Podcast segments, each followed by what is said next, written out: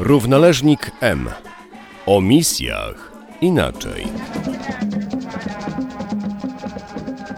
Przez kilka lat y, pracowałeś w Ameryce Południowej, a od 17 lat y, pracujesz w Rosji.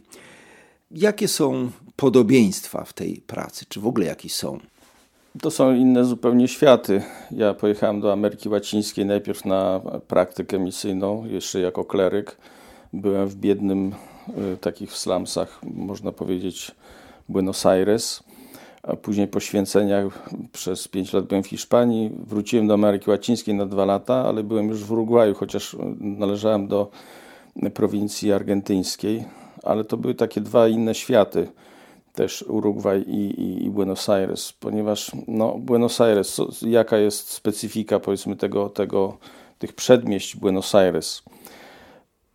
Jest bardzo dużo ludzi, zabudowa taka parterowa, ludzie zaczynają, jak budują, to zaczynają od jakieś tam blachy, dykty, a później przechodzą już na, na bardziej trwałe materiały, cegłę. I ogólnie jest bardzo dużo ludzi, ale, ale raczej niezbyt dużo chodzi do kościoła. To znaczy się, jeżeli mieliśmy na terenie naszej kaplicy, bo cała parafia to miała ze 130 tysięcy ludzi, a my obsługiwaliśmy jedną kaplicę, to było około 10-12 tysięcy ludzi. No to na mszach było 300-400 osób. Na katechezę chodzili więcej, bo została pewna tradycja w, w narodzie ale nie, nie, patrząc na to, y, że może nie chodzili, to jednak my byliśmy takim ważnym, y, ważną częścią tej społeczności, bo czasami ludzie y, zwracali się do nas w różnych potrzebach i materialnych, i, i duchowych. Nawet, nawet jakieś takie sprawy kryminalne było, były problemy, które tam złodziejstwa, czy, czy, czy, czy jakichś tam dramatów rodzinnych i, i ludzie jakby do kościoła nie chodzili, a my byliśmy w ich życiu obecni bardzo mocno. Yy, zresztą podobnie było w Urugwaju, tylko że Urugwaj yy, tam yy, niechodzenie do kościoła jest związane często z, z takim odbiciem się mocnym od kościoła, taką nieufnością nawet do kościoła. Urugwaj jest takim krajem dosyć religijnie oziębłym. Natomiast Rosja, no, my jesteśmy postrzegani jako mniejszość i Często ludzie nawet nie bardzo wiedzą, co to są katolicy. Oni przyjmują katolików często jako taką jakąś obcą siłę, wrogą nawet. Stawiają jakieś bariery takie, że my jesteśmy tutaj prawosławni. Więc nam nie jest łatwo e, wejść w życie ludzi z jakąś nawet posługą taką czysto ludzką. Raczej są dosyć mocne bariery a my pracujemy z ludźmi, którzy do nas przychodzą. I to jest taka no, podstawowa różnica, można powiedzieć, w tych dwóch światach. Należysz do misyjnego zgromadzenia księży werbistów, więc jesteś misjonarzem. Jakby naturalną rzeczą czujemy się misjonarzami w krajach, powiedzmy w cudzysłowie misyjnych, tak jak chociażby byłeś w Ameryce Południowej. Teraz pracujesz w Rosji, tam w Rosji nawet e, nie używamy słowa, że jestem misjonarzem, ponieważ e, Rosjanie bronią się przeciwko temu, mówiąc, że przecież to jest terytorium już dawno niemisyjne, terytorium e, prawosławne, więc tu nie ma potrzeby misjonarzy. Tak więc e, w głębi serca kim się tak naprawdę czujesz, tam będąc w Ameryce Południowej i teraz w Rosji? dla mnie obraz nie, nie tylko misjonarza, werbista, ale obraz księdza jest misyjny. Mentalnie ja nie jestem takim księdzem, który, który spełnił swoje obowiązki, prawda, i, i ma wolne. Tylko gdzieś jest pragnienie y, dotarcia do ludzi w jakiś sposób.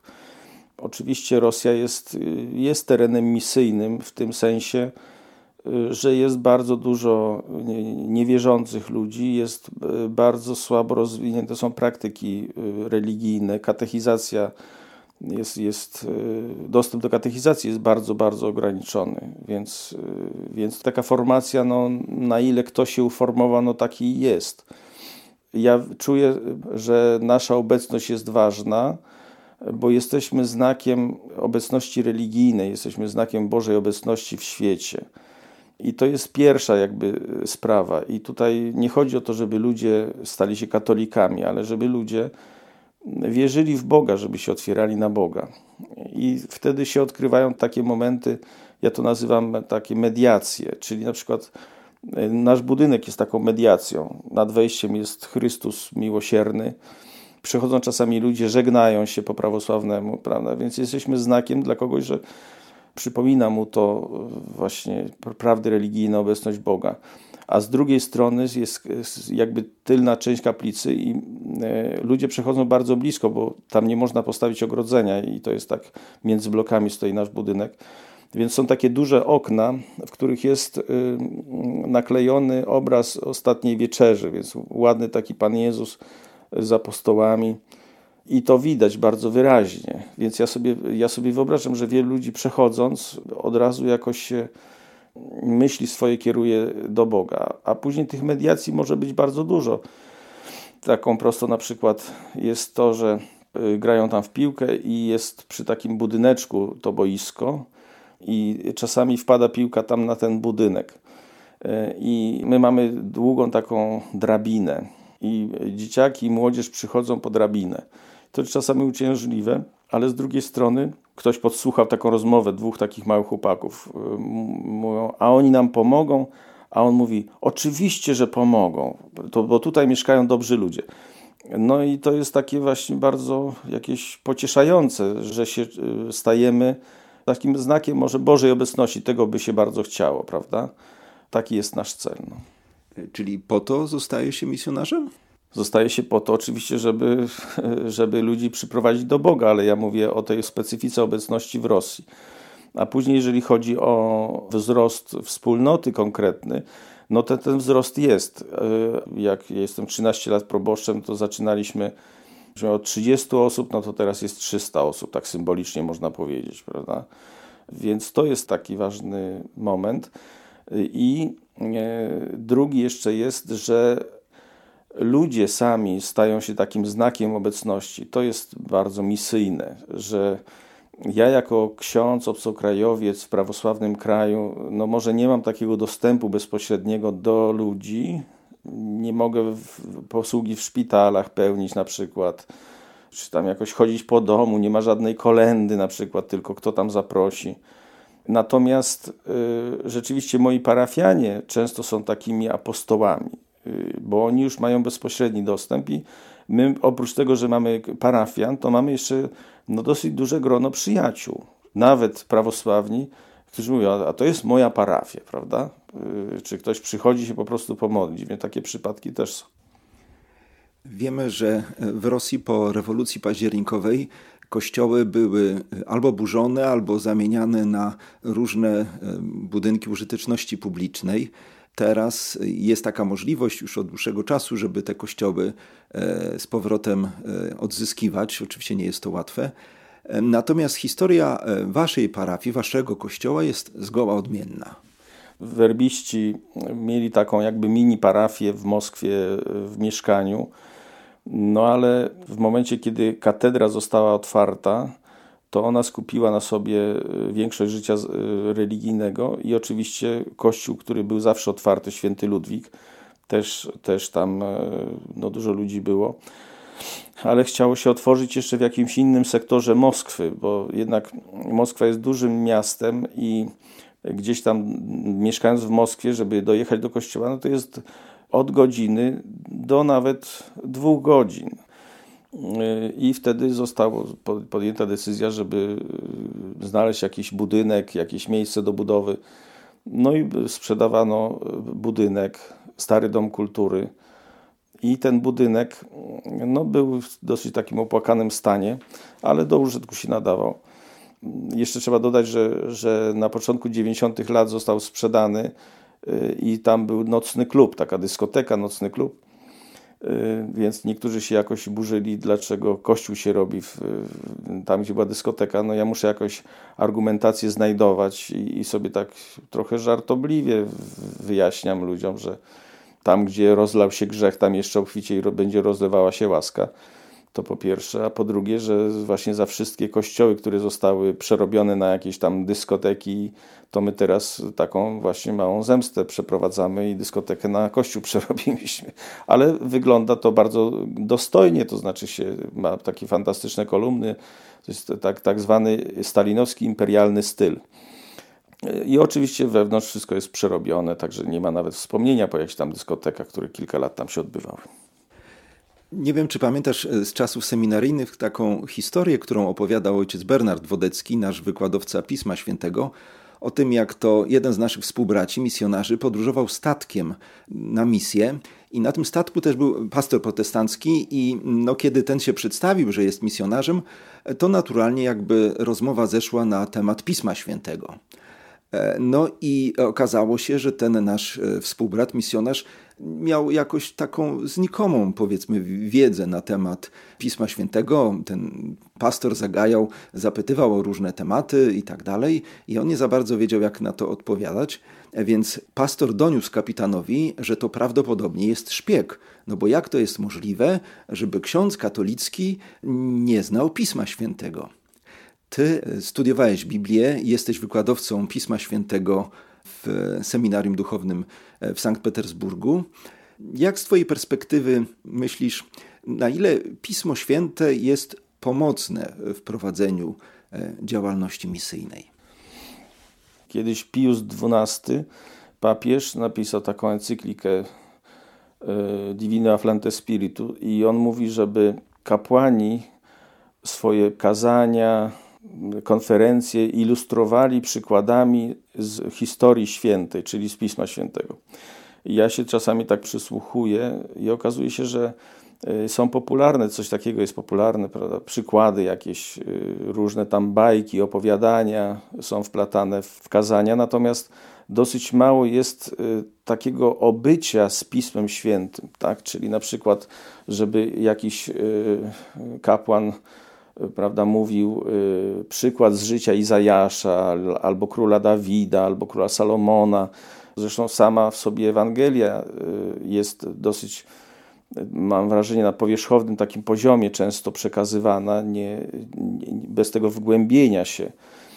A taka zażyłość z Pismem Świętym, ona ma troszeczkę inny format y, przekazywania, bo rzeczywiście się czuje wtedy, że że mówi się słowami Ewangelii, czyli mówi się, jak gdyby kapłan staje się bardziej e, takimi ustami bożymi, a im dalej odchodzimy od Pisma Świętego, tym bardziej to przepowiadanie się staje takim jakby trochę filozofowaniem. To są porady życiowe. Yy, I w rzeczywistości często wchodzą kapłani na jakieś tam tory bardziej psychologiczne czy, czy socjalne. Czasami się mówi, że w politykę się bawią, ale na przykład jak mówił e, papież Jan Paweł II e, na tematy socjalne, to było widać właśnie, że on jest jakoś zanurzony w, w nauczanie Kościoła w Pismo Święte i, z tego, e, i to się zupełnie inaczej czuje. To jest właśnie ten moralny E, język Kościoła, język Ewangelii, który, który jest tym światłem na naszej drodze, na, na różnych naszych drogach. Nie jest, nie jest zaangażowaniem w coś konkretnego, w jeden jakiś polityczny projekt, tylko jest, jest światłem Bożym i tego najbardziej potrzebujemy. Także ja trochę takie mam podejście do tego tematu. A czy słowo według Ciebie ewangelizacja wypływa ze słowa Ewangelia? Ewangelizacja dla mnie osobiście to jest y, takie przyjęcie Słowa Bożego, żeby ono przemieniło rzeczywistość. Najpierw rzeczywistość serca człowieka konkretnego, a później rzeczywistość, która go otacza. To jest prawdziwa ewangelizacja, to jest to właśnie nawracajcie się i wierzcie w Ewangelię.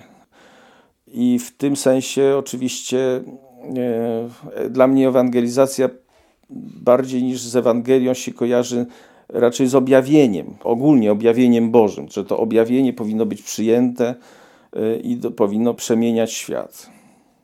Czasami y, różne instytucje, wydając różne postanowienia, dekrety, powołują się na podstawę prawną. Dają jakiś tam cytat z jakiejś ustawy, która funkcjonuje, i na mocy tego właśnie to ma być wykonane. A Co według Ciebie jest taką podstawą prawną właśnie w prowadzeniu działalności misyjnej, w ewangelizacji? No, oczywiście nakaz misyjny Jezusa Chrystusa, to znaczy się Pan Jezus powołał swoich apostołów, a później powołuje na, następne pokolenia apostołów, bo ktoś musi głosić Ewangelię. To znaczy się jest jakaś tajemnica zawarta w tym, że, że Ewangelia się rozprzestrzenia y, jakąś drogą takiego właśnie dialogu, czyli czyli albo ktoś mówi, albo żyje Ewangelią, w jakiś sposób staje się znakiem zapytania, tak jak święty Franciszek miał powiedzieć z Asyżu, że głoście Ewangelię wszelkimi sposobami, a jeżeli trzeba, to nawet słowem. To misyjne polecenie Jezusa Chrystusa, żebyśmy my przejęli pałeczkę po prostu, że w każdym, każde pokolenie, tak jak staje pod krzyżem każde pokolenie, gdzie było zbawienie, tak później y, każde pokolenie staje u boku Jezusa w momencie w niebo wstąpienia i słyszy te słowa: idźcie i nauczajcie wszystkie narody, tak? czyli, czyli czyńcie uczniami wszystkie narody. To jest ta, ja myślę, że ta najważniejsza baza. Ale czy to dotyczy jedynie księży, zakonników, y, misjonarzy, misjonarek, czy to jest ogólne i szerokie wyzwanie? Nie no, każdy, kto jest wierzącym człowiekiem, przecież y, czuje to intuicyjnie. Rodzice którzy cenią sobie wiarę, przekazują tę wiarę dzieciom i nawet się nie zastanawiają nad tym, że są uczestnikami też tego posłania Chrystusowego. Często do, do, do ludzi dochodzi właśnie taki, taki prosty, też proste bardzo słowa, ale bardzo mocno misyjne. Jeżeli ktoś się e, zaprze mnie przed ludźmi, to zawsze się go mój Ojciec Niebieski, prawda? Znaczy się, ten moment świadczenia o Chrystusie y, jest bardzo mocno obecny w, y, jakby w tym duchu misyjnym, tak? Na przykład, jeżeli w, przypomnimy sobie czasy komunistyczne, kiedy zachodzenie do kościoła, jeżeli ktoś był szczególnie w wojsku, czy, czy był nauczycielem, y, no to czekały go problemy albo nie awansował. Dzisiaj też może być człowiek wyśmiewany, ironizowany, może być atakowany. Mm, zobacz jakie są skandale, a ty jeszcze wierzysz, prawda? I człowiek musi, jak to też często wracał do tych słów Pisma Świętego, do pierwszy świętego Piotra, święty Jan Paweł II mówi, żeby zdać sprawę ze swojej nadziei.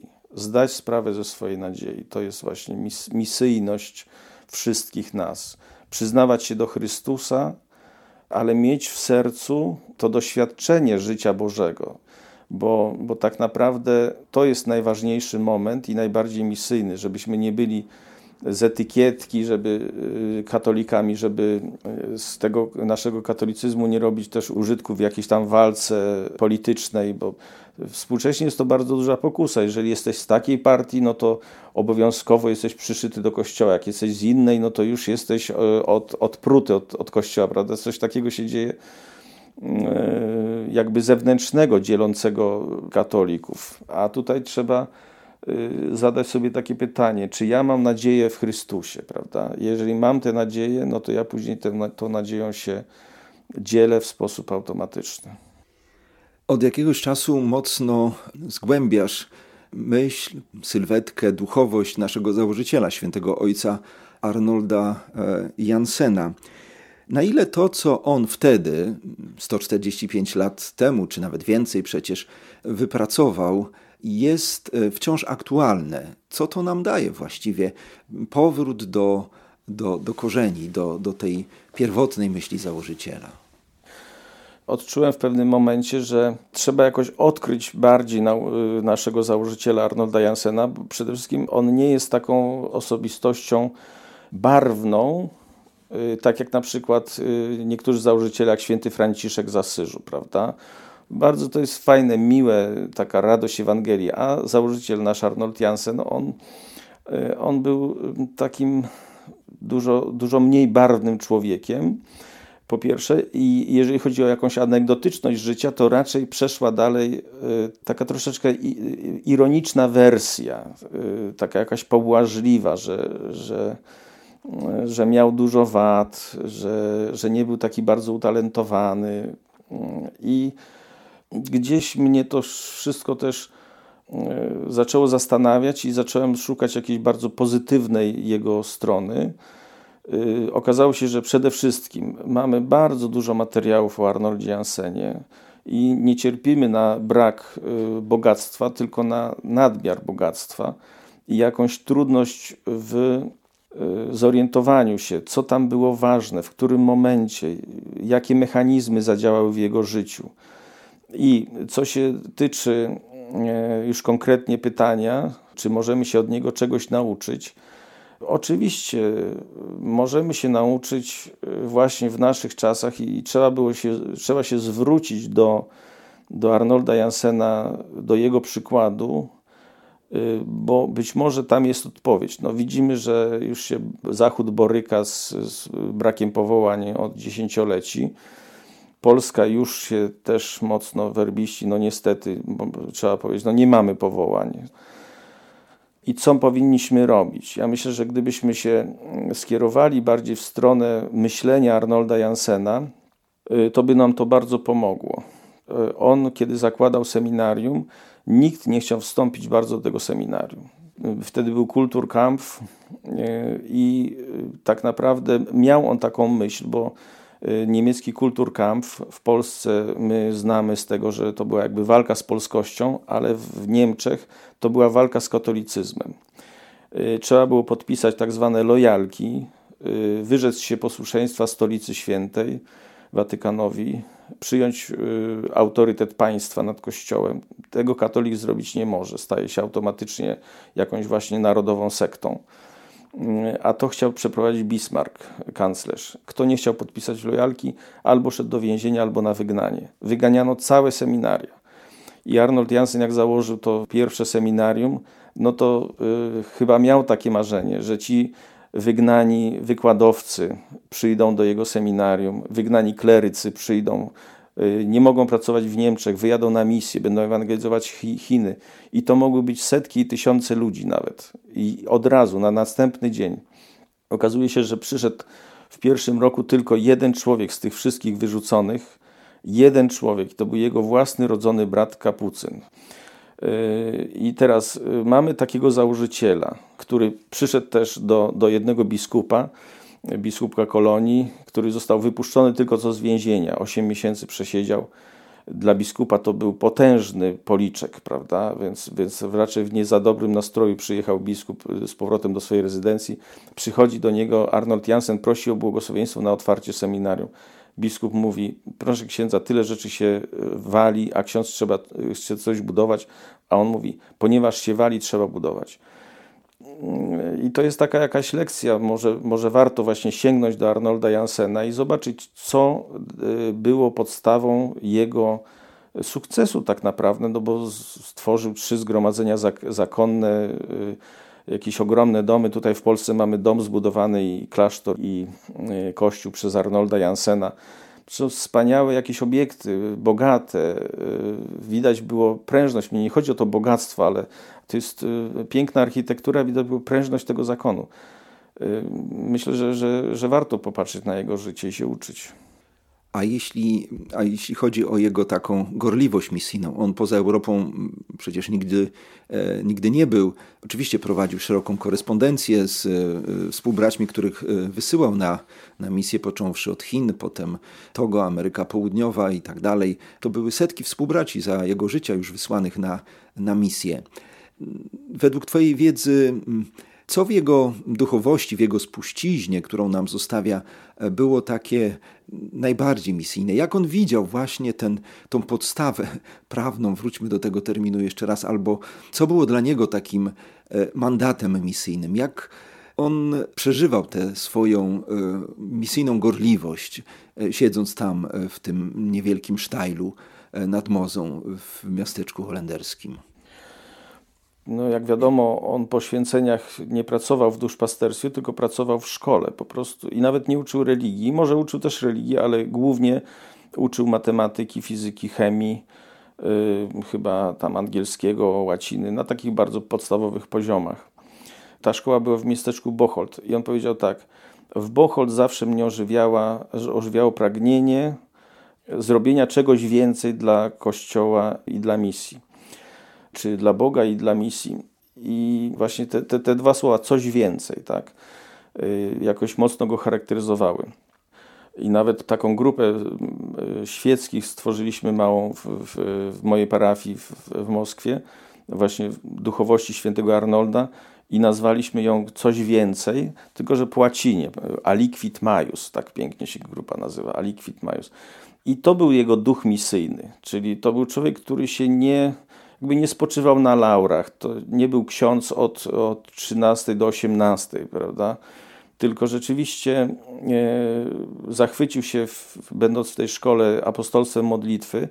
I my czasami mówimy, że on nie był na misjach, ale tak naprawdę on był cały czas na misji, czyli cały czas był kapłanem misyjnym.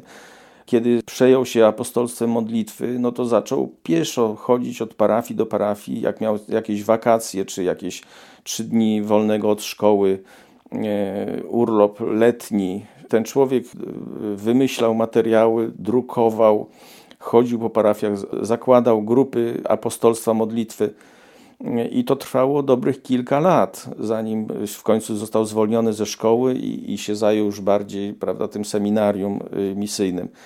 I tak naprawdę, y, będąc w Sztajlu, y, no, trzeba by dokładnie policzyć dni, ile on był w Sztajlu, ponieważ częste były jego podróże do Rzymu. Jak jechał do Rzymu, to gdzieś zajechał do jednego miejsca, drugiego, trzeciego jak się dowiedział, że jest tam jakiś kapłan w Tyrolu, który chce y, być misjonarzem, no to już się listownie umówił, że ja będę w Rzymie, jak będę wracał, to pojadę do biskupa, porozmawiam.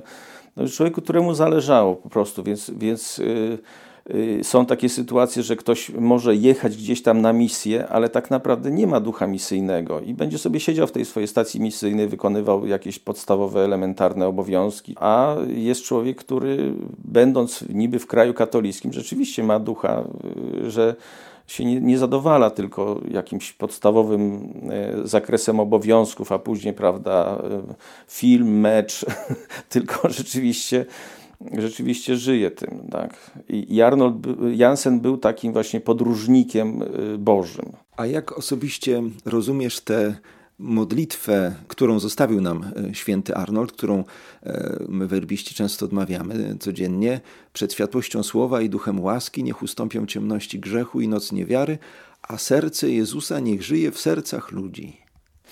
Jest artykuł Alberta Ronera, Niemca, chyba z 60., z lat 60. mniej więcej ten artykuł, 17 stron ma. Znaczy tę krótką modlitwę on tłumaczy na, na 17 e, stronicach.